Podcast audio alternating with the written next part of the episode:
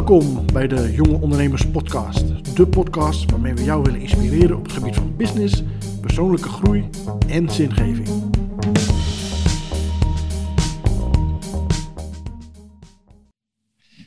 En we zijn weer live vanuit eh, Groningen bij de Diepzee Konijn Studios. Bij de zesde aflevering alweer van de Jonge Ondernemers Podcast. Ik heb twee geweldige gasten vandaag. Ik heb uh, Stijn Langebeek, General Manager bij Van der Valk eh, Groningen. Kom zo bij jou. En we hebben Anneloes Oldenburger. En jij hebt iets met, uh, met, met, met functienaam, geloof ik. Hè? Je bent eindverantwoordelijke voor e-waste bij Virol.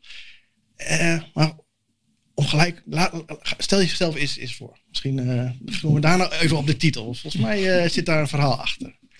ja, ik ben Anneloes Oldenburger, werkzaam in het familiebedrijf Virol. Wat inmiddels meer dan 50 jaar bestaat. En uh, binnen Viro hou ik mij bezig met uh, elektronisch afval. Alle apparaten met een batterij of een stekker. En een aantal jaren geleden heb ik uh, de bedrijfsschool, de Viro E-Waste Academy, opgezet.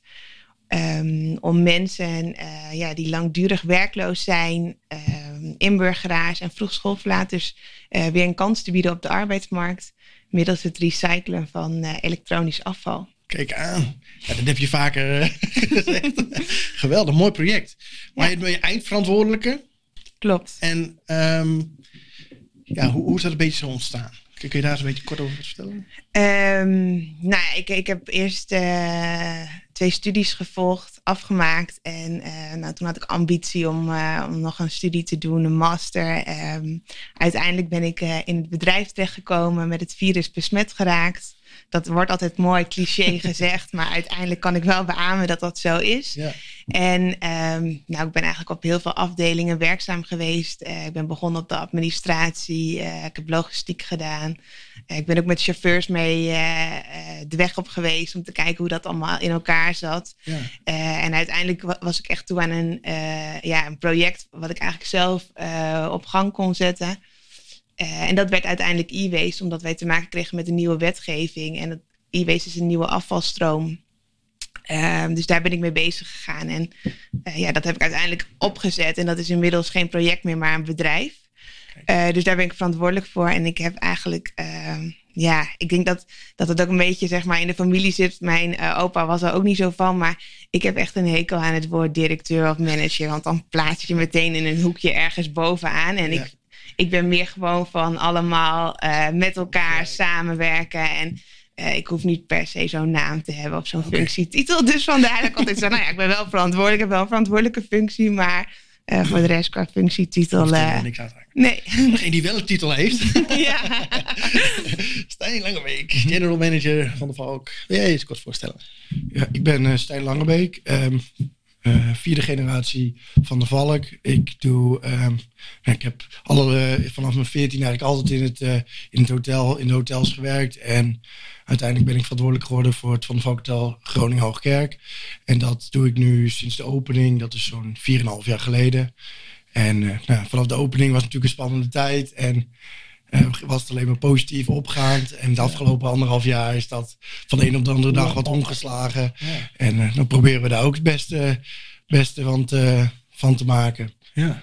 En uh, nou, zeg maar, ik, heb, ik noem mezelf wel general manager. Het is meer voor de herkenbaarheid. Uiteindelijk komt het er in de praktijk op neer dat je ook een beetje manusje van alles bent. Maar dat, nou, dat, dat herken ik wel. Maar het is voor de herkenbaarheid wel, wel prettig in, in mijn branche. Zeg maar. Hoe oud ben jij? Ik ben 30. 30 jaar en general manager van een uh, eigen van de Valk vestiging. Klopt. Hoe ben jij, Anneloes?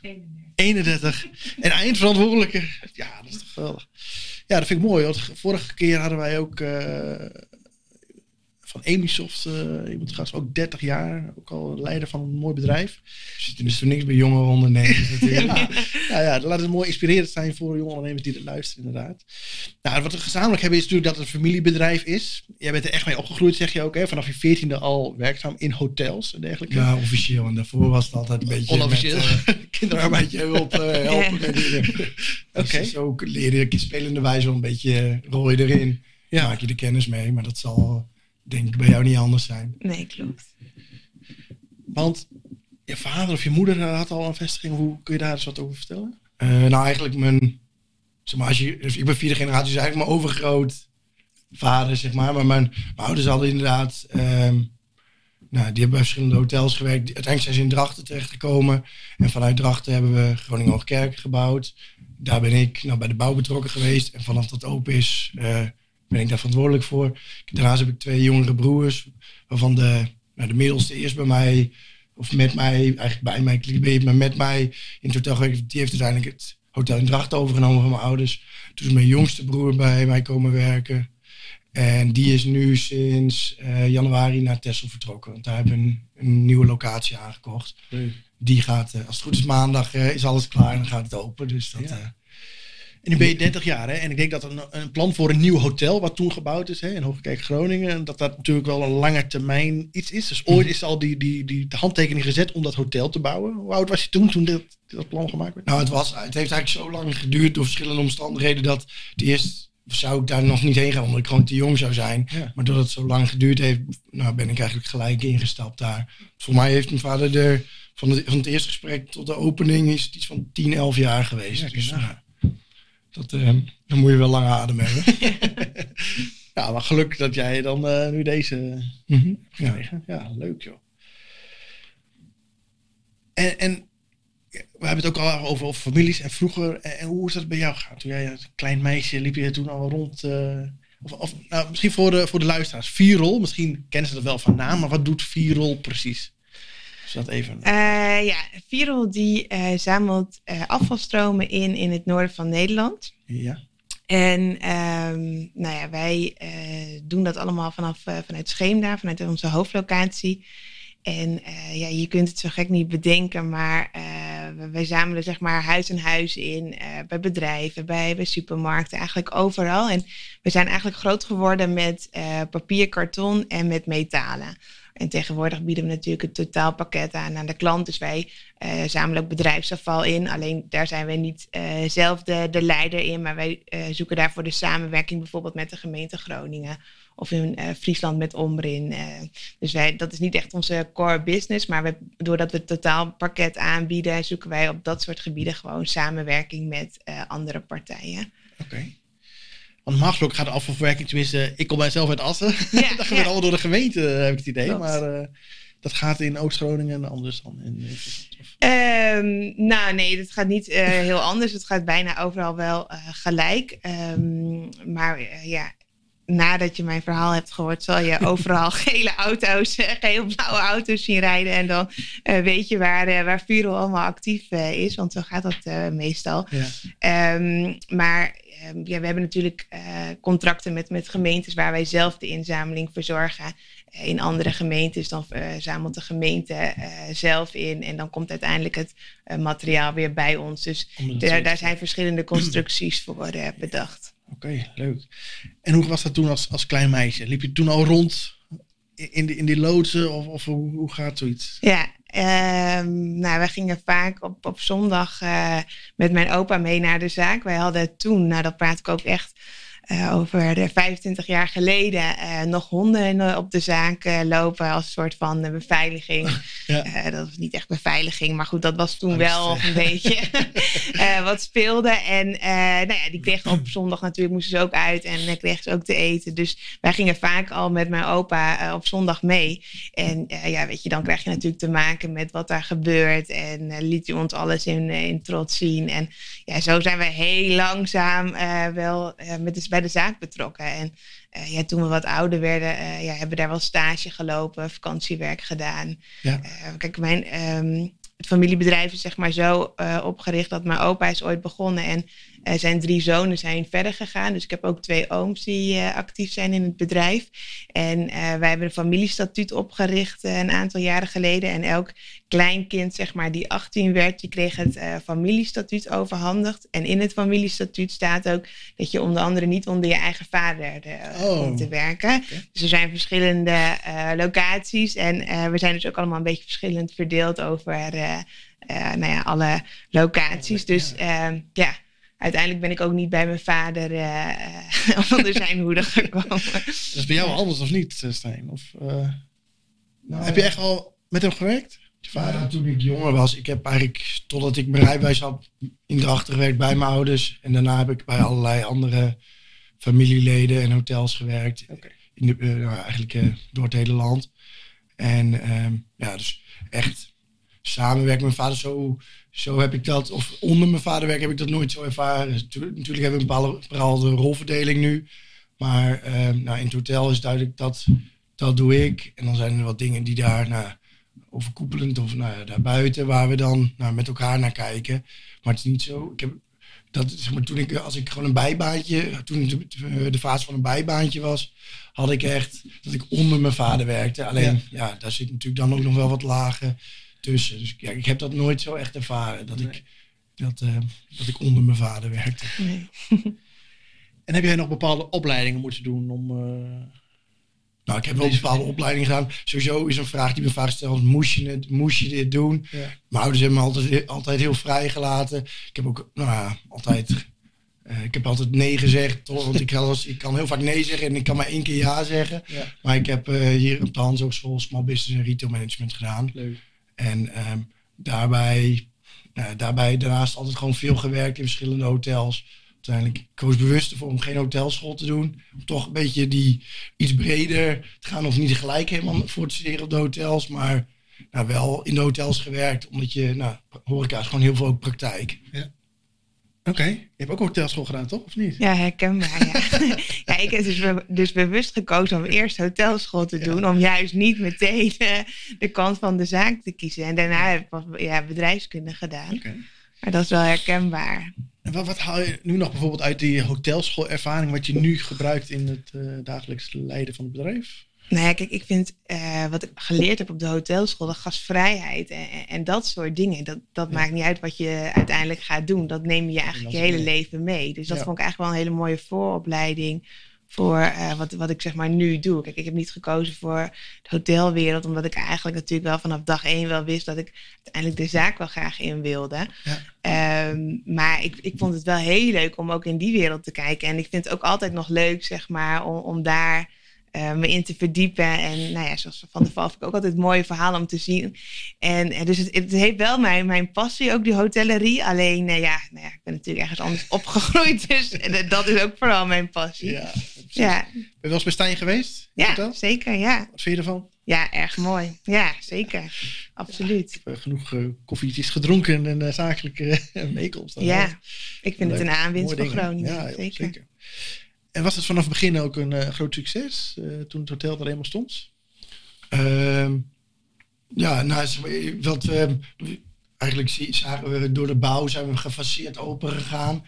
Dus ja. ja, het was eigenlijk vanaf het begin ging dat, ging dat goed.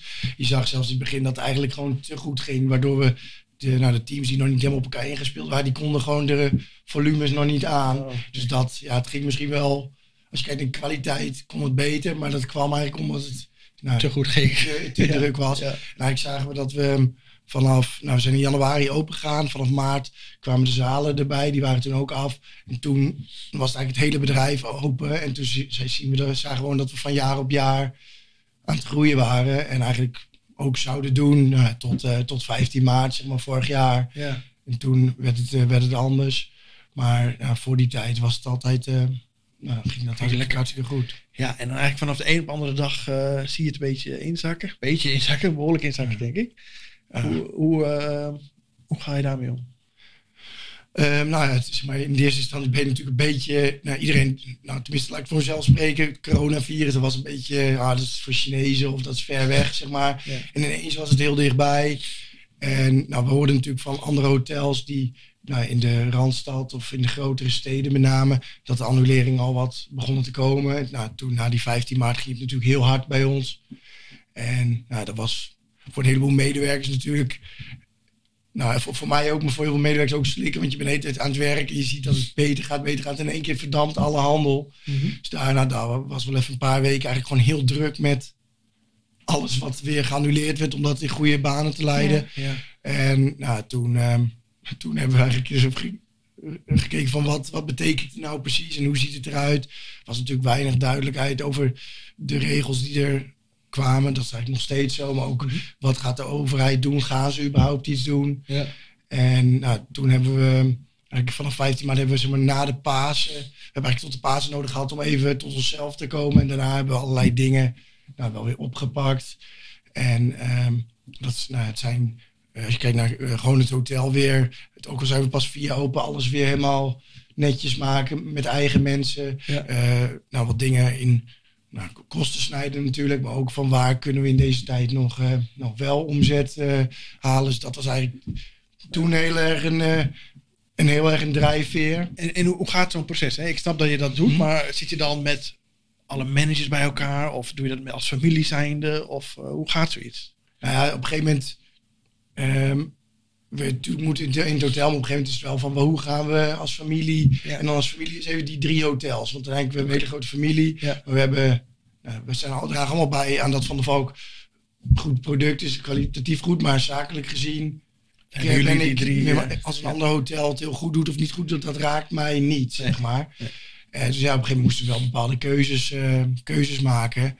En nou, daar hoorden natuurlijk, eh, als je zo'n omzetverlies hebt, ook behoorlijk eh, nou, keuzes bij die wat minder, eh, minder prettig zijn. Ja. En toen zagen we eigenlijk nou, dat, het best wel, dat het best wel goed ging. Ze hebben voor, nou, hebben allemaal mensen hebben geholpen met, met vegetarische producten verpakken voor een vriend van mij. Nou, we hebben allerlei klussen gedaan. We hadden nog nou, met een geluk met een groep die vanuit de Eemshaven kwam. En toen zag je op een gegeven moment weer, was het ineens juni. Of ineens juni, toen was het weer juni, toen mocht alles weer. Nou, toen was het gewoon niet bij te benen. Ja. En dat ging eigenlijk heel goed, want de zomer was eigenlijk beter dan ooit. Mhm. En toen, nou, toen werd het geloof ik, wat was het ergens september, oktober. Ja. Toen was het weer klaar. En eigenlijk zitten we daar nu nog steeds in. Precies. Nou, ik zag al vorig jaar dat ik heel erg was ik gefocust om maar zoveel mogelijk nou, omzet binnen te halen. Maar op een gegeven moment zag je dat dat, merkte ik op mezelf, maar ook op de medewerkers, dat dat best wel een zware last was. Dus dat Ja. eigenlijk nou, vanaf januari, dat we dat wel aan het afbouwen zijn. En nu hopen we gewoon ja, dat er binnenkort weer wat mag. En dat we met de medewerkers die er allemaal nog zijn, dat we fris, eh, fris aan de start staan. Zeg Ja. maar. Maar je hebt aardig moeten snijden in, eh, in de medewerkers. Ja, ik denk dat er nou ja, ongeveer 40% van de, van, de persoon, van de mensen weg is. En ook dat je nog wel ziet dat er her en der dat nou, met uren teruggezet hebben. Dus ik heb geprobeerd zoveel mogelijk de mensen in dienst te houden. Want uiteindelijk, ja, dit is een half jaar of een jaar of hoe lang het ook gaat duren. Ja, die jaren daarvoor ben ik niet vergeten. Maar Nee. ja, ik, ik kan niet, het kan niet allemaal, zeg maar. Nee. Dus dat is echt wel, eh, echt wel lastig. Ja. En dat, nou, dat scheelt natuurlijk nou, veel dat we nu steeds veel mensen bij op Tessels met eigen mensen ook veel verbouwd hebben. Want uiteindelijk, los van het financiële, als je gewoon niks te doen hebt, je, wil ook gewoon wat te doen hebben, ook voor de medewerkers. En dan Ja. nou, is Tessel toch een locatie dat je even wat een uitstapje Ja. hebt, even wat positiviteit, zeg maar. Dus Ja. dat, eh, ja, dat, zo kom je de tijd wel door, maar ja, het is wel, eh, we hadden het graag anders gezien natuurlijk. Heeft deze periode ook invloed gehad op, op Virol? Of eh, liep dat gewoon constant door? Nou ja, goed, kijk, afval blijft natuurlijk eh, wel komen. Alleen, ehm, kijk, wij merken natuurlijk ook dat onze klanten gewoon last hebben van corona. Eh, De kantorenmarkt, eh, die ligt natuurlijk stil. Dat was natuurlijk ook een grote tak waar wij inzamelen. Ja. En eh, je merkt gewoon dat nou ja, horeca-gelegenheden waar we inzamelen, nou, die, die zijn dicht. Dus ja, we, we zien een, een verschuiving waar, waar de ene, het, voor de ene zeg maar ontzettend drukke periode is door corona. Zie je bij de andere klanten gewoon een hele zware tijd. En eh, ja, het blijft voor ons wel doorgaan, maar we zien wel echt een verschuiving, eh, wat best wel zwaar is ook. in onze productielijnen zijn daardoor ook wel deels stil komen te liggen, waar andere productielijnen natuurlijk weer eraan moeten trekken om eh, bij te blijven. Ja. En kun je dan een beetje schuiven met mensen bijvoorbeeld? ja, we schrijven, ja, wij kunnen schrijven met mensen, dus dat is wel ons geluk. Eh, wat heel grappig is bij elektronisch afval, daar is het nog nooit zo druk geweest. Want het enige uitje wat je kunt doen in de lockdown is naar het afvalbrengstation gaan. dat merken wij. ik heb nog nooit zoveel materiaal gezien. En, en ik denk ook, mensen hebben natuurlijk echt wel vakantiegeld, kunnen niet op vakantie en gaan juist eh, nou ja, apparaten aanschaffen waar ze anders misschien niet het budget voor hadden. Ja. Nou, die oude apparaten die zijn ook allemaal bij ons in de container gekomen. Dus daar zag je dus een, echt een, een hele grote groei. eh, waar je bijvoorbeeld bij de kantorenmarkt en het vernietigen van vertrouwelijke gegevens weer echt een hele eh, grote daling zag. ja, precies. Maar goed, ja, weet je, je merkt gewoon hoe, hoe het met je klanten gaat. En dat is wel echt lastig om te zien dat er gewoon echt wel heel veel in zwaar weer zitten. Ja. Ja, lastig is dat hè. Ja. En e-waste. Eh op de duur zei je dat er kwam dus een regeling vanuit de overheid eh, dat er wat aan gedaan moet worden. Heb jij concurrentie in het noorden of zo? Zijn er meer bedrijven die hetzelfde doen als, als jullie? Nou ja, kijk, uh, jonge ondernemerschap. ik ben niet een hele slimme ondernemer wat dat betreft. Want als ik echt uh, geld had willen verdienen, was ik het natuurlijk niet met de hand gaan demonteren. dus wat dat betreft, qua concurrentie heb ik wel wat concurrenten. Want er zijn behoorlijk wat uh, bedrijven in Nederland die een schredder hebben geplaatst toen er een wetswijziging kwam.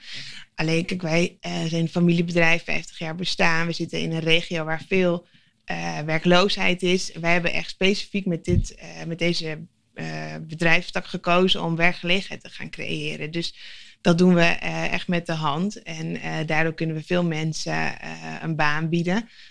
Um, maar het is wel, ja, je hebt wel veel concurrentie daardoor. Kijk, mensen kiezen uiteindelijk toch altijd voor de, voor de prijs. Hè? waar het goedkoopst is, daar gaat het toch. nee, niet altijd. Maar we merken, we hebben nu een paar onderzoeken lopen met verschillende scholen en studenten. Je merkt toch, hè, hoe mooi we het ook allemaal vinden, duurzaamheid, maatschappelijk verantwoord ondernemen. Uiteindelijk zie je toch dat vaak de prijs uh, het, het, ding is. En uh, ja, wij kiezen daar gewoon niet voor. En wij kiezen echt voor uh, werkgelegenheid en het hele sociale concept. En ehm, ja, nou, we, we, krijgen genoeg materiaal binnen. Dus wat dat betreft moet ook niet uh, zo stormlopen dat we het niet aankunnen. Want dan, hè, dan hebben we uiteindelijk een machine nodig. Dus het is, het is mooi zoals het nu loopt. Ja. Uh, maar daardoor heb je natuurlijk wel concurrentie. Want een machine die heeft het in, een dag verwerkt. Wat wij misschien in een maand uh, tijd doen. Oh, echt? Dus ja, ja. Dat, daar, daar zit natuurlijk verschil in. Oké. En um, de elektronische apparaten die worden natuurlijk dan deels hergebruikt voor nieuwe elektronische apparaten, neem ik aan. Hè? Tenminste, die, die grondstoffen daarvan. Ja, dat klopt. Heb je daar ook mee te maken van, nou, wie uh, gaat onze grondstoffen afnemen? Of uh, zijn dat gewoon vaste lijntjes die uh, al... Ja, nou, het mooie van die handmatige demontage is dat we het dus bijna voor 100% kunnen recyclen. Dus wij doen de hele dag niks anders dan ICT-materialen demonteren. Dus echt van computers tot laptops, servers. Ja. En al die onderdelen die we handmatig uit elkaar schroeven, die komen dus echt als zuivere grondstoffen eruit. Dus we hebben echt puur aluminium, puur ijzer. Het echt allemaal mooi schoon materiaal. Ja. Dat we dat met de hand doen. En uh, ja, dat gaat eigenlijk uh, meteen de volgende stap naar de smelter. En dan is het eigenlijk al een grondstof voor een nieuw product. Ja. Dus dat is wel heel mooi dat het meteen uh, een, een, grondstof is, wat je ook weer in kan zetten voor nieuwe producten. Precies, maar jullie klantreis, zeg maar, die eindigt bij de smelter? Of is de smelter ook nog onderdeel van jullie en daarna verkoop je? Nee, wij, wij demonteren het. En het, op een gegeven moment, kijk, moederborden ja. Die kunnen wij niet met de hand demonteren. Dus daar zit nog weer een, eh, een tussenstap tussen. Uh, maar de, de blokjes en uh, alles wat zuiver is, uh, als, als ijzer en aluminium en dergelijke, dat gaat eigenlijk van ons, ons naar de smelter. Wij zijn niet het laatste station. Dus er zitten nog wel een paar stations tussen voordat het echt weer ingezet wordt. Oké, okay, leuk. En heb je enig idee dan waar de dingen die je, die je demonteert, waar die weer in hergebruikt worden? Ja, Weet je? ja en kijk, uh, de, de moederborden, daar zit bijvoorbeeld een onderdeel van goud in. Dat is echt een heel klein beetje. Dus dat zeg ik ook altijd, zeg maar, als ik door de hal loop en ik geef een rondleiding, dan zeg ik, ja, het is echt niet dat dit een gouden ring uh, betekent. Daar heb je veel meer voor nodig dan alleen dat moederbord wat hier ligt. maar ehm, ja, dat, dat, daar kun je dus echt, dat, dat, kun je sieraden van maken. Er zijn ook best wel een paar uh, kleine bedrijfjes die dat zijn gaan doen. Die, die dus van die grondstoffen uh, zelf producten zijn gaan maken. Als bijvoorbeeld sieraden. Dus dat is wel heel leuk om te zien. Uh, maar het aluminium kan eigenlijk overal weer voor gebruikt worden. En dat geldt natuurlijk ook met ijzer. Ja. maar de, de edelmetalen die dus in die moederborden zitten. En in die printplaten. Ja, die hebben we echt nodig om weer nieuwe telefoons en computers en dat soort dingen te maken. Want eigenlijk halen we die nu nog uit de natuur. En dat, dat heeft allemaal met mijnen en dergelijke te maken. Maar dat is eigenlijk nog maar 40 jaar uit de natuur te halen. Dus als we dat nu niet recyclen, dan hebben we zeg maar over 40 jaar geen eens meer een telefoon. En die bewustwording, die proberen we zeg maar nu bij scholen zeg maar neer te leggen. En zo, eh, we regelen ook zeg maar één keer in het kwartaal een e-waste race bij bepaalde gemeentes. En dan gaan tien scholen tegen elkaar strijden om zoveel mogelijk materiaal in te zamelen. En dan geven we ook les op de school en dan geven we dat ook echt aan. En dan zie je al die kinderen, oké, over 40 jaar geen telefoon, geen kleurentelevisie. En dan het wordt automatisch meteen een succes. Omdat iedereen denkt, ik kan eigenlijk niet meer zonder telefoon. dus dat is eigenlijk wel heel grappig. Maar ja, de, de realiteit is wel zo hard eigenlijk. Oké. En dat idee was ooit van jou uh, gekomen, dat e-waste uh, programma binnen Virol? Ehm, nee, kijk, het e-waste, uh, daar kregen we in Nederland allemaal mee te maken. We hebben natuurlijk Viro Metaal, die zich focust op metalen. En als je nu langs een metaalbedrijf rijdt, zie je al die grote bulten. Nou, daar kwamen alle apparaten, wasmachines en dergelijke ook op. Ja. Um, dus wij zijn toen we met die wetswijziging te maken kregen, zijn we met z'n allen om de tafel gegaan. Hebben daar samen ook met de gemeente Groningen en dergelijke naar gekeken. Um, uiteindelijk zijn wij, hebben gekozen voor de uh, werkgelegenheid en zijn we dat verder gaan ontwikkelen. En ja, dat heb ik samen met een team, uh, maar ook met uh, um, de gemeente Oldambt en de gemeente Groningen uitgewikkeld. Want daar krijgen we natuurlijk weer mensen van. Dus er zit een heel team achter die dat, die dat bedacht heeft. Dat kan ik niet alleen. Nee, oké. Okay. Was dat ook direct een succes? Of, duurde altijd een mooie aanlooptijd? Nee, dat heeft echt een aanlooptijd. En, ja. en, en, dat succes, dat zie je echt met pieken en dalen gaan. Dus dat is, ja, de, de, ene keer heb je daar een succes in en de andere keer is dat weer wat minder. Oké. In hoeverre ja, willen we aan, aan, aan de toekomst denken? Wat, wat uh, heb, je, heb je nog... Uh, ja, het is een beetje lastig in deze tijd natuurlijk, maar... Had je, had je eigenlijk nog dromen met dit hotel? Van, oh, de, nou, hiermee willen we de boel veroveren of iets bepaalde iets innemen in de markt? Uh, nou, we proberen, ons, we proberen ons eigenlijk te positioneren als het, als, uh, het of een van de zakenhotels van Groningen, zeg maar. Ja. En dat, dat ging eigenlijk heel goed. En nou, ik denk, als je ziet dat alles maar groter en meer wordt, als je op een gegeven moment die positie nou, echt wil innemen, dan zul je nou, ooit nog een keer naar schaalvergroting toe moeten. Maar nou, zeker in deze tijd is dat natuurlijk ver weg. Maar dat is wel een beetje, nou, met het hotel is dat in ieder geval uh, een droom. En daarna zie je dat we, nou, we zijn nu de eerste drie jaar was het heel erg gewoon zorgen dat alles wat iemand van Van der Valk verwacht, dat dat goed is. Mm -hmm. En eigenlijk zouden we afgelopen jaar ook wat meer, wilde ik wat meer het verrassingselement toevoegen. Wat, wat leuke dingen doen die je misschien niet bij elk hotel kan doen of net even anders. Kun je een voorbeeld noemen van, van zoiets? Uh, nou, zeg maar, ik, we, hadden, we hadden wat verschillende dingen. Um, kijk, als je kijkt, uh, bijvoorbeeld, uh, nou, we hebben een terras, dat is eigenlijk een terras waar je komt als hotelgast kun je op het terras zitten en prima. Mm -hmm. Maar daar kunnen we veel, veel, iets veel leukers van maken. Maar we hebben ons heel, eerst heel erg gefocust op nou, de zondagsbrunch die je verwacht bij Van der Valk. De zalen, de kamers, het restaurant, dat dat allemaal goed is. Ja. En zo zijn er allerlei dingen waar we wat, nou, wat meer in um, wat meer wilden toevoegen. Um, terwijl we eerst eigenlijk heel erg keken naar wat is, wat is veel werk of niet. Omdat we, ja, we hadden al moeite om alles in goede banen te leiden. Ja, en, uh, zeg maar, en nu, dat is eigenlijk nu wat meer tijd. Ja, als hotel, maar ook persoonlijk. Dat je ziet dat je gewoon zo druk bent met zorgen dat de kwaliteit goed is. Dat je eigenlijk het, het eind van het derde jaar, dat je wat meer je, nou, je ogen opent voor de omgeving. Nou, dat is ook eigenlijk waarom ik bij de JNO ben gegaan. Ja. Dus maar dat, dat dat eigenlijk, nou, dat dat toen het moment was voor mij om te zeggen, ik ga ook meer naar dat soort dingen kijken. En uh, dat ben ik blij mee, maar dat heeft natuurlijk nog, dat heeft natuurlijk nu allemaal, is het allemaal anders. Nee. Dus dat, nee, dat is eigenlijk wat ik, mijn droom zo met het hotel. Oké, okay, leuk. Heb jij nog toekomstplannen met Viral E-Waste? Nee, je bent natuurlijk altijd met de toekomst bezig. Ja. Uh, je wilt natuurlijk altijd um, groeien, uh, ja, nog meer toegevoegde waarde creëren. Uh, ja, ik zou natuurlijk nog graag meer werkgelegenheid willen creëren. Ja. Dus je, ben, ja, je, je, kijkt, je kijkt altijd uh, vooruit, denk ik. Uh, en, en ik denk dat, dat je, je bent natuurlijk ehm, altijd in je hoofd bezig met van wat wil ik nog meer en, en creativiteit en, en wat zijn mijn plannen. En ja, ik, tenminste, ik, ik heb dat altijd. Ik word daar s ochtends mee wakker en dan begint het al. en, en dat is ook een beetje onrust waarschijnlijk van... Uh, Natuurlijk, het is ook altijd wel. Uh, het is niet dat het nooit goed genoeg is, maar je blijft toch altijd wel vooruitkijken en bezig met nieuwe ontwikkelingen. Ja, oké. Okay. Nou, we hadden net al een beetje over het netwerk, hè? dat je lid, lid zijn van JNO, netwerkvereniging. In hoeverre is dat belangrijk geweest in jouw ontwikkeling als, uh, ja, als manager? Ik mag het niet meer noemen eigenlijk. Hè? Nou, ik, uh, ik weet nog dat ik net uh, in het bedrijf kwam werken en dat mijn vader zei van ja, je moet daar even lid van worden, je moet daar even lid van worden. Dat ik echt dacht van nou leuk, uh, wat is dit allemaal? En ja. uiteindelijk ben ik daar wel lid van geworden, heb ik wel toegegeven. en heb ik natuurlijk ook ontdekt wat je daar um, allemaal kan bereiken. En ik weet nog dat ik voor het eerst bijvoorbeeld bij JNO op gesprek kwam. Dat ik echt dacht van, oh, maar ik ben nog hartstikke jong. En wat, wat moet ik dan brengen? Want ik denk dat ik nu allemaal kennis moet komen halen. Want ik kom zelf nog maar net om de hoek kijken. En nou ja, naarmate je daar zeg maar in groeit en mensen leert kennen, ja, dan uh, merk je ook wat een netwerk voor je kan betekenen. En wat jij daar ook weer zelf voor terug kan doen. En ehm, ja, soms dan ehm, is het niet. Ik, ik vind een, zeg maar, JNO niet iets om meteen te halen. Of dat je visitekaartjes gaat. Nee. of nieuwe klanten wilt werven. Zo, zo helemaal niet. Maar ik denk hè, op het moment dat er een keer iets is, dan, dan weet je wel bij wie je moet zijn. Um, ik, ik vind het ook fijn om uh, met andere ondernemers te praten over hoe zij naar dingen kijken. En daar, daar heb je gewoon uiteindelijk een mooi netwerk voor nodig. En dat is mooi dat je dat ja, gedurende je werk kan opbouwen. Ja. Hoe is dat bij jou, netwerken?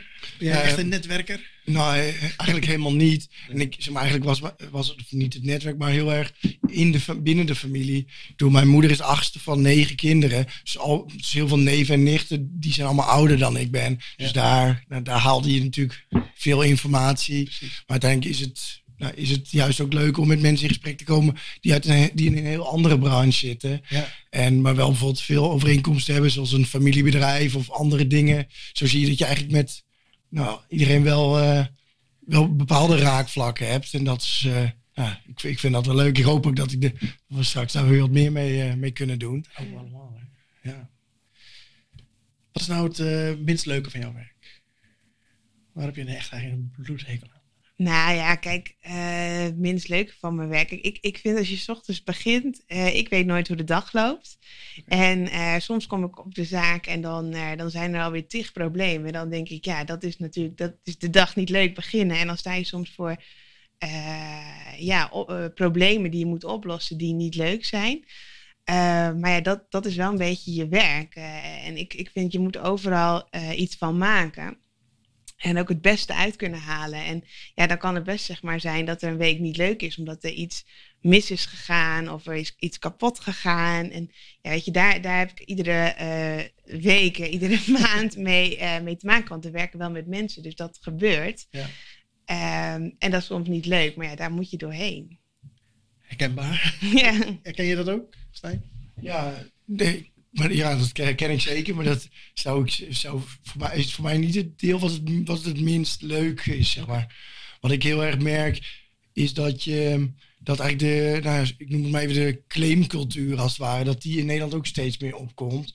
Dus dat, en dat druist heel erg in tegen je hospitality gevoel, gedachten die je eigenlijk wil, uh, wil uitdragen. Wat bedoel je met claimcultuur? Ja, uh, zeg maar, nou, dat er.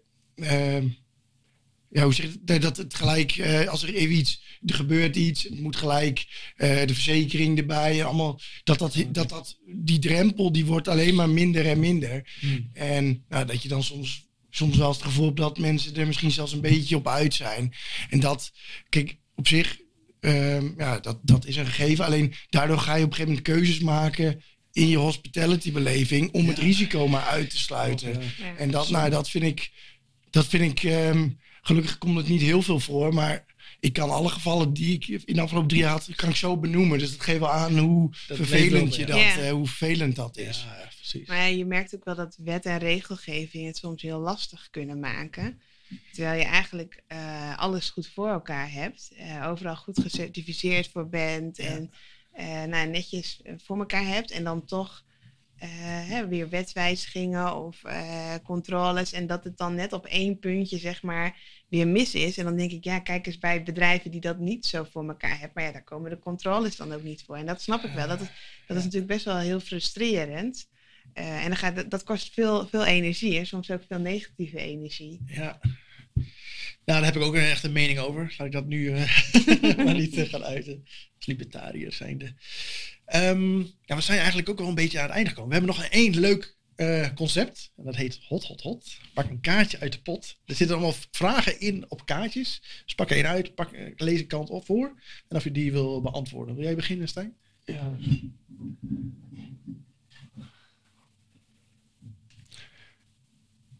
Nou ja, ik pak deze kant. Ja. Hij, is niet, hij is niet heel moeilijk. Liever in de keuken of in de sportschool? Oh. Nou ik zou... Uh, ik ben veel vaker in de keuken. Ik ben, zo, ben een buitensporter, maar nou, met werk ben je natuurlijk veel in de keuken. En nou, nu met corona, als je wat meer vrije tijd hebt, ben ik dat, is, dat ik in de keuken staan zelf ook wel leuk vind. En dat is niet, geen zorgen, niet professioneel, maar gewoon, uh, gewoon thuis hoor. Dus, uh, Jij mag die kerst, oh nee, dat doen ze niet meer hè? Nee, nee. dat is ooit wel bekend toch? Of ja, ja, dat, is het, uh, dat wordt nog steeds wel eens, er wordt nog steeds veel gebruikt. Alleen, ja, eigenlijk, maar jullie zijn bij ons geweest, als je ziet dat ja. dat eigenlijk nou, wel vervlogen tijden zijn. Zeker. Dat. Ik ben als ik het vrees. Dus, maar kan nog steeds krijgen hoor, maar dan is de kerst. ja. kerst? Ja, ja. oké. Okay. En buitensporten, wat voor buitensport doe je? Uh, vooral fietsen. Ja, wielrennen en ja, uh, uh, gravel fietsen. Dat is eigenlijk een beetje hetzelfde, alleen dan onverhard, zeg maar. Dus dat eigenlijk is... Met een wielrenfiets? Maar dan nee, nee, ja, dan net een andere fiets met wat bredere banden, meer profiel. Oké. Okay. Maar ja, ik vind fietsen wel echt leuk. Leuk. Wil een kaartje pakken? Nou, yes. Thee of koffie? Ja. Nou, s ochtends uh, ben ik wel echt voor de koffie. En uh, aan het einde van de dag, dan denk ik, ik heb al best wel wat koffie op. Dan, uh, dan ga ik maar over op de thee. ja. ja. Oké. Okay. Hoe drink je je koffie? Zwart. Wat voor thee is je favoriete thee? Nee, ik heb niet echt. eigenlijk, ik ben eigenlijk echt van de koffie. Maar ik, ik merk ook dat de hele dag dus koffie drink. En dan moet je toch op een gegeven moment maar over op iets anders. Ja. Oké. Ja. Ik, maar, ik ben ook gestopt met koffie drinken. Of tenminste, s ochtends doe ik inderdaad nog twee bakjes. En dan uh, ga ik aan de thee. Ja. Ik was er altijd nooit van de thee. Maar tegenwoordig ben ik van de thee. Dat is gezonder. Um, is er nog iets wat jullie graag nog willen bespreken? Uh, voordat we een einde aan breien. Is er nog iets waar je de mensen op wil wijzen? Um. Nou, nee, is zo niet iets, uh, iets te binnen. Nee, nou ja, we hopen natuurlijk dat we zo spoedig mogelijk weer een mooie bijeenkomst uh, ja, met elkaar fysiek kunnen hebben. Ja. En wie weet wel uh, bij Van der Valk. Ja, dat hopen we zeker. Ja. ja, en wat hebben we geleerd? We moeten onze tosti ijs niet meer in de, in de vuilnisbak gooien. We moeten inleveren. Klopt. ja. En ja, superleuke leuke verhalen. Leuk te horen hoe jullie uh, op dit punt zijn gekomen en hoe het allemaal ruilt en zelt. Bij deze wil ik dan ook een einde maken aan deze podcast. Ik wil iedereen, alle kijkers en luisteraars bedanken voor het luisteren. En graag tot de volgende keer.